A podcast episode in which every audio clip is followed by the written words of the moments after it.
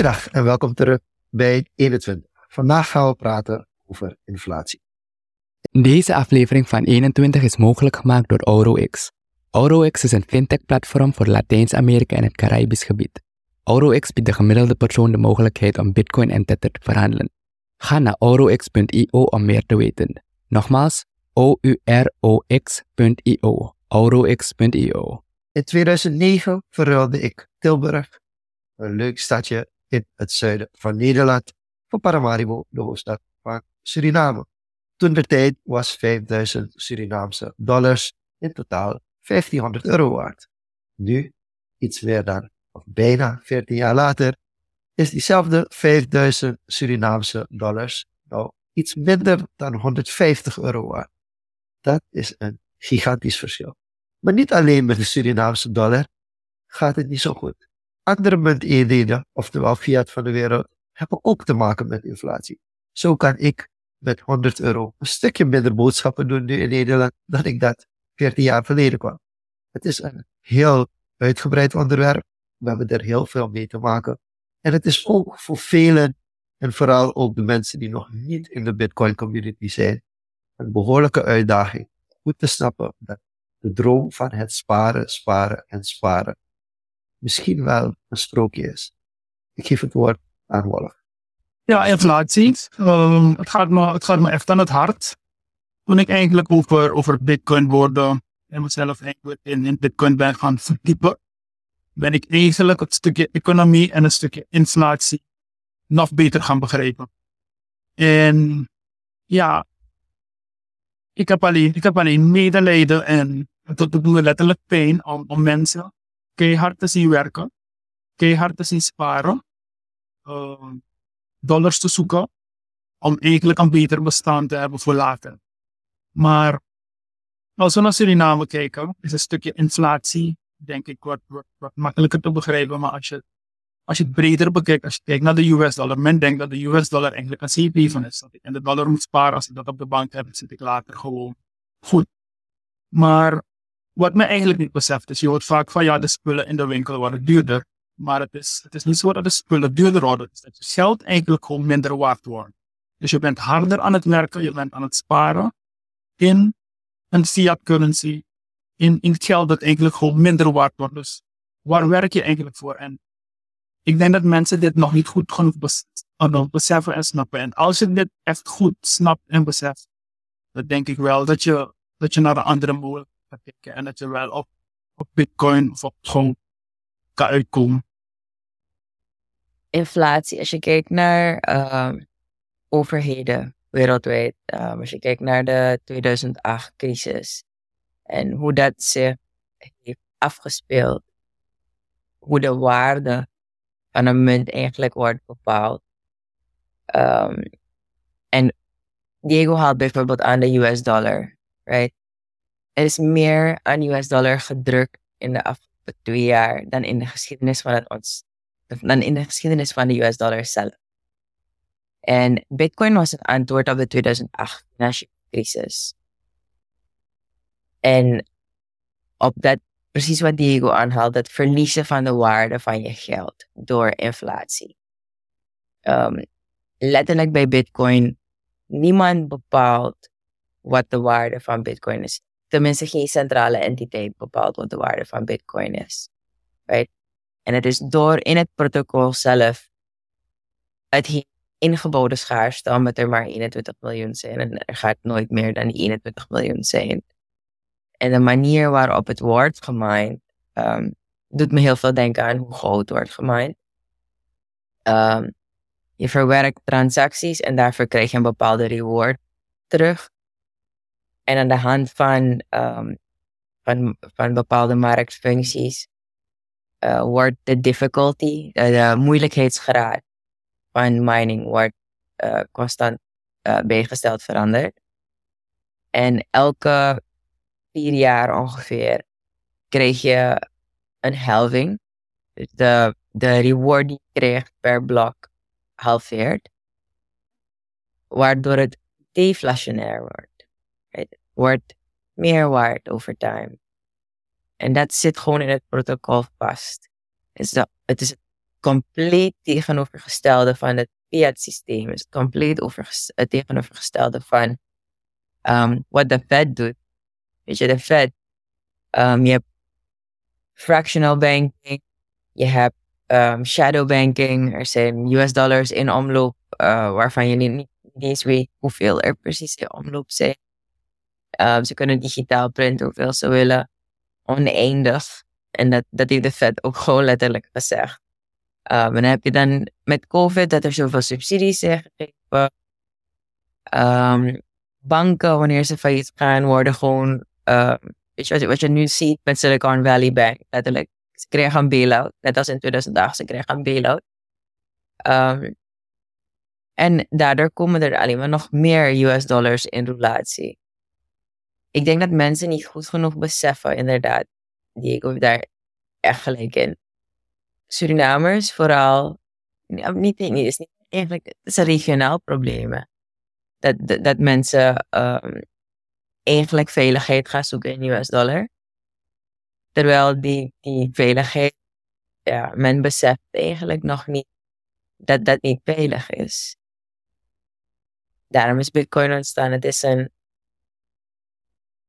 Het geeft je een stukje van je soevereiniteit terug. Het geeft je dat, dat stukje. Dat, dat uh, inflationair is. Of door de overheid wordt uh, beheerd of bepaald.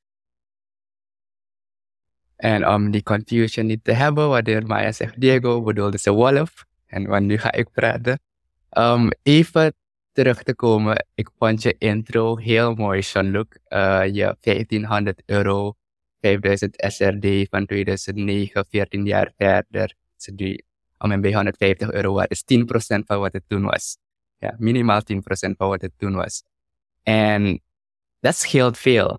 Uh, maar om dit toch in een groter context te brengen, uh, Wolf haalde aan van, hey, um, het is niet de producten in de winkel dat duurder zijn geworden. Je geld is gewoon minder waard geworden. Je kan minder doen met hetzelfde 5000 Surinaamse dollar dat je had of 5 of 100 US dollar dat je hebt. En om dit in context te brengen, Jean-Luc gaf het aan, in 14 jaar tijd is de SRD um, 10% minder geworden. Maar als we ook kijken naar de historie van de US dollar en hoe inflatie daar een rol heeft gespeeld. De uh, Federal Reserve is in 1913 ontstaan. En als je vergelijkt 100 dollar van 1913, vergelijk over 110 jaar nu, we zijn in 2023, over een span van 110 jaar, is de dollar minimaal 98% ontwaard. Besef dat even.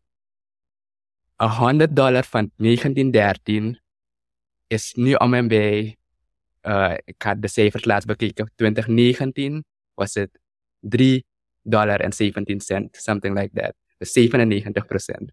Nu zal het nog meer zijn, die ontwaarding. Vooral met de, uh, zoals Maya aanhaalde, het printen van de US dollar in het systeem. Dat kwam in de, uh, dankzij COVID. In de afgelopen jaar er minimaal 50 procent van de afgelopen drie jaar minimaal 50% van alle US dollar in circulatie is in de afgelopen drie jaar geprint. Dus dat geeft aan die currency inflation. Er is meer supply van geld, van US dollar in het systeem gekomen. En als je dat relateert aan andere landen, waarbij de US dollar eigenlijk naar gerefereerd wordt als reserve, uh, waar het aangeeft het regionaal probleem. Veel van de landen in Latijns-Amerika, het Caribisch gebied, hun lokale munteenheid wordt steeds gerefereerd naar de US dollar, zoveel US dollar. Dus zij voelen dubbele inflatie. Ze zien de inflatie van de US dollar eigenlijk niet. Dus als je kijkt naar wat in Argentinië is gebeurd, bijvoorbeeld in de afgelopen, afgelopen vijf jaar, we hebben het erg van de afgelopen 14 jaar van uh, eh, 10%. Daar is het nog erger. Uh, het is volgens mij nu van 250 uh, eh, van 8 naar 250 gegaan. Dus de inflatie van Argentinië is outperforming Suriname. Besef dat ook van het andere extreem. Maar dit is alleen inflatie van currency, van monetaire uh, eigenlijk uh, policy. En natuurlijk heb je ook inflatie in soort, right? Uh, en dat moeten we ook even doorhebben, want je, je hebt inflatie van soorten. Je krijgt meer geld in het systeem, maar je hebt ook inflatie van supply en demand. Van de, men refereert vaak naar de consumer price index om te kijken van wat kan een familie um, kopen met zoveel geld. Uh, en soms worden producten daadwerkelijk duurder, maar dan heb je inflatie van gewoon, misschien is er door de oorlog van uh, Rusland en Oekraïne minder uh, wiet in productie. Dus dan krijg je een tekort van grondstoffen. Dan heb je een ander soort inflatie. Dat, dat is te snappen. Maar dat is dan een productie een, een, van een supply zijde. Maar hier krijg je, omdat er meer geld in het systeem artificieel is gepompt door een centrale instantie. En je probeert dan dit eigenlijk te manipuleren, een centrale instantie. Dan forceer je een, een onziene kracht in het systeem. En ik weet nog in de eerste aflevering hadden we aangegeven van is inflatie diefstal. Doordat de uh, centrale instantie dit doet, je creëert inflatie van de munteenheid, ontneem je die waarde. Dus daarom vond ik het gepast van, ja, deze centrale instantie ontneemt de waarde van de mensen die het minder goed hebben. Die heel hard werken voor die 100 euro of 100 dollar. En ze ontnemen het waarde gewoon door meer geld in het systeem te pompen. Dus dat is een van de grote aspecten dat eigenlijk uh, ik ook heel erg vind. En dat mensen niet snappen, omdat ze het ook niet zien. Want je hebt het verschillende lagen, vooral lokaal. Mensen zijn in survival mode, so ze zien alleen wat in de winkelrekken staat en wat, uh, uh, wat er hier gebeurt. Dus ze zien de dollar als safe haven, ja, maar dat is ook niet zo veilig.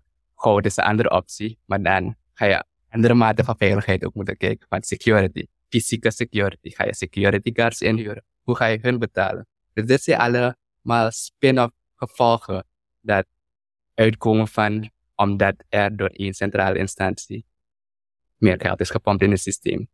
En nu beginnen mensen het te voelen. Ik zal het even tot daar laten. Oké, we hebben nu gesproken over vooral het technische gedeelte om inflatie tegen te gaan. Er zijn natuurlijk een aantal vragen die spelen. een van de dingen die we wel deze aflevering toch even gaan moeten adressen, is het feit dat er een heleboel copycats zijn ontstaan rondom het model van Bitcoin. Er zijn een heleboel andere zogenaamde cryptocurrencies ontstaan die prefereren hetzelfde te doen.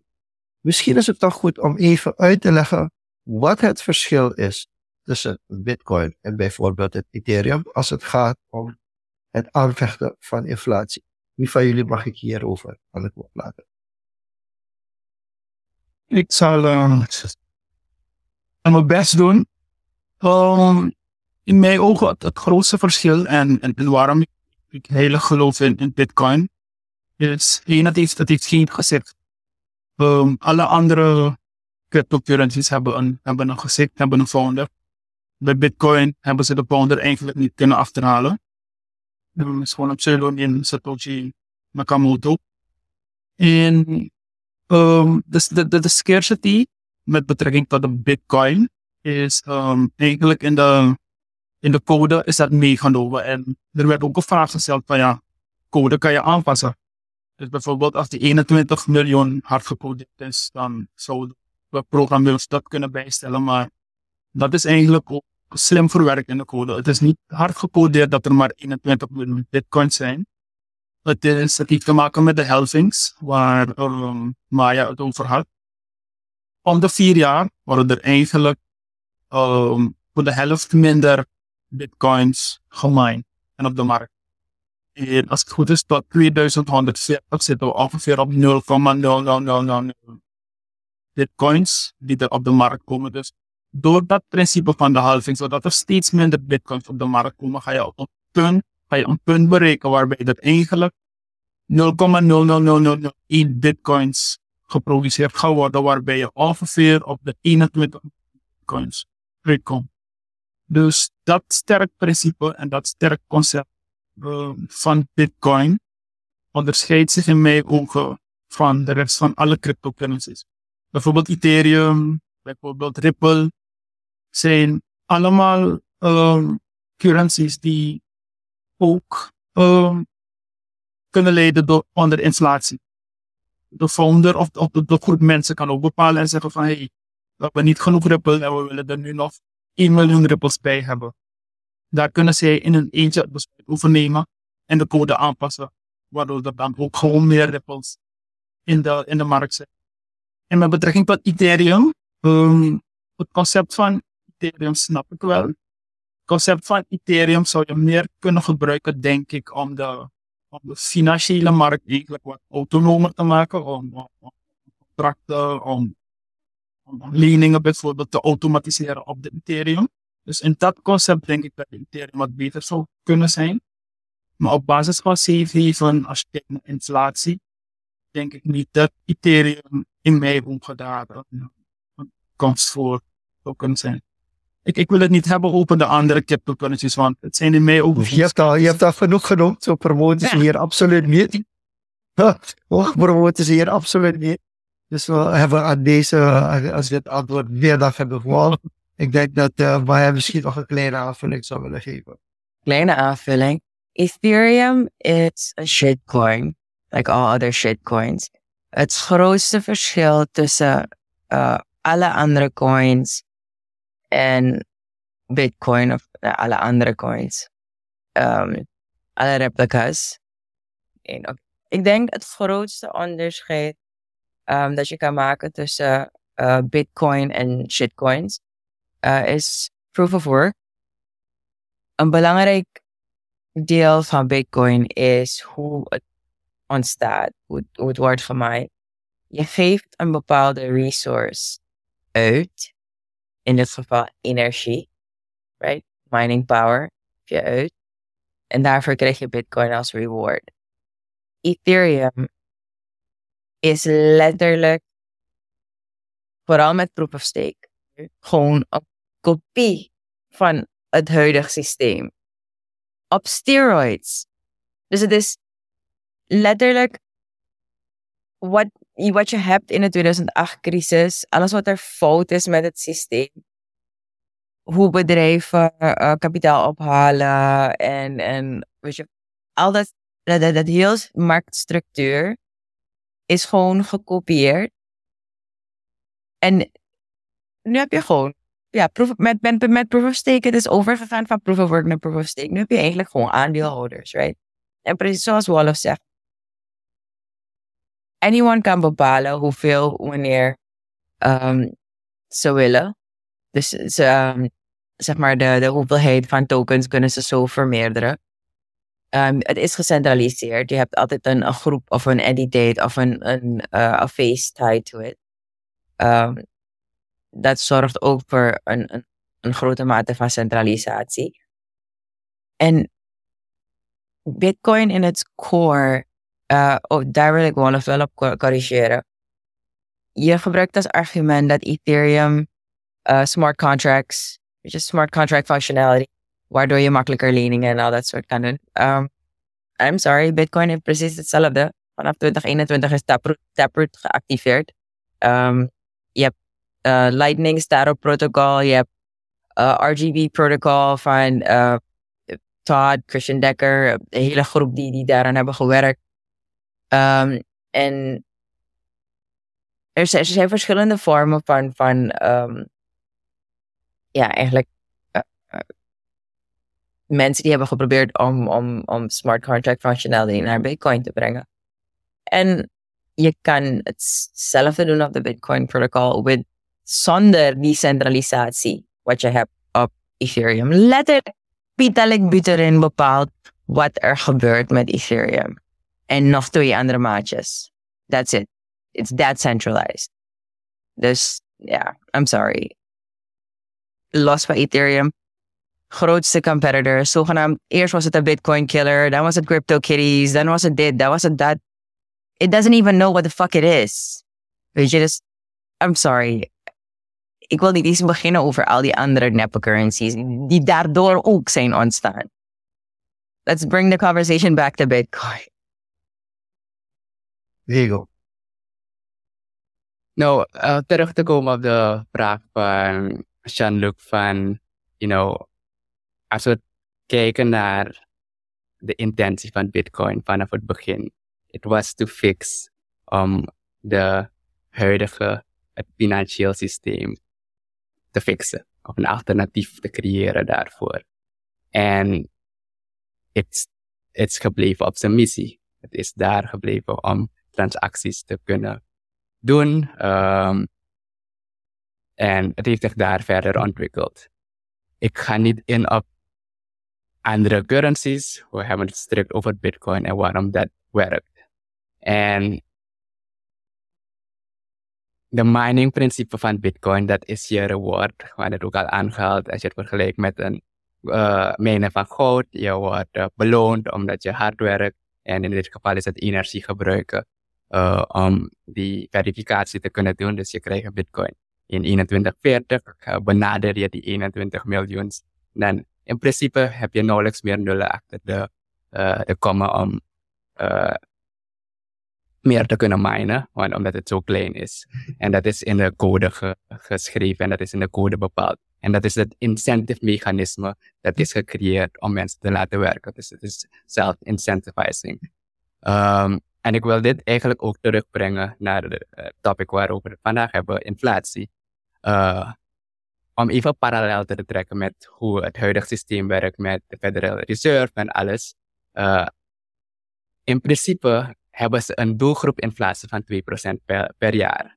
En waarom heb je een doelgroep, uh, een doel inflatie van 2% per jaar?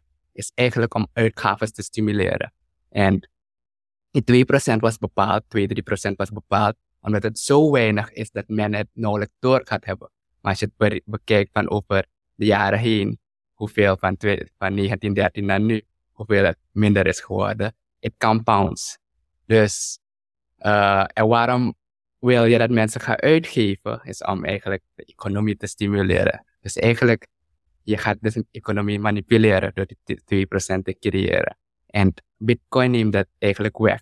Je, hebt dan nu wel een certain degree of slow inflation. En ik heb nu, ik zeg nu, totdat het moment dat je die 21 miljoen hebt, uh, want er komt meer Bitcoin op de markt. En dat, uh, maar dat is dan de incentive mechanisme om mensen te laten werken. Als we weer kijken naar het huidige systeem, de velocity of money, hoeveel geld er omgaat in de economie. En als je dat nou door hebt, om terug te komen op het punt van uh, Wolf in het begin van sparen bestaat niet, is dat je geld op de bank en het wordt minder waard. Het idee van deze inflatie, die 2% inflatie, is om mensen te laten uitgeven.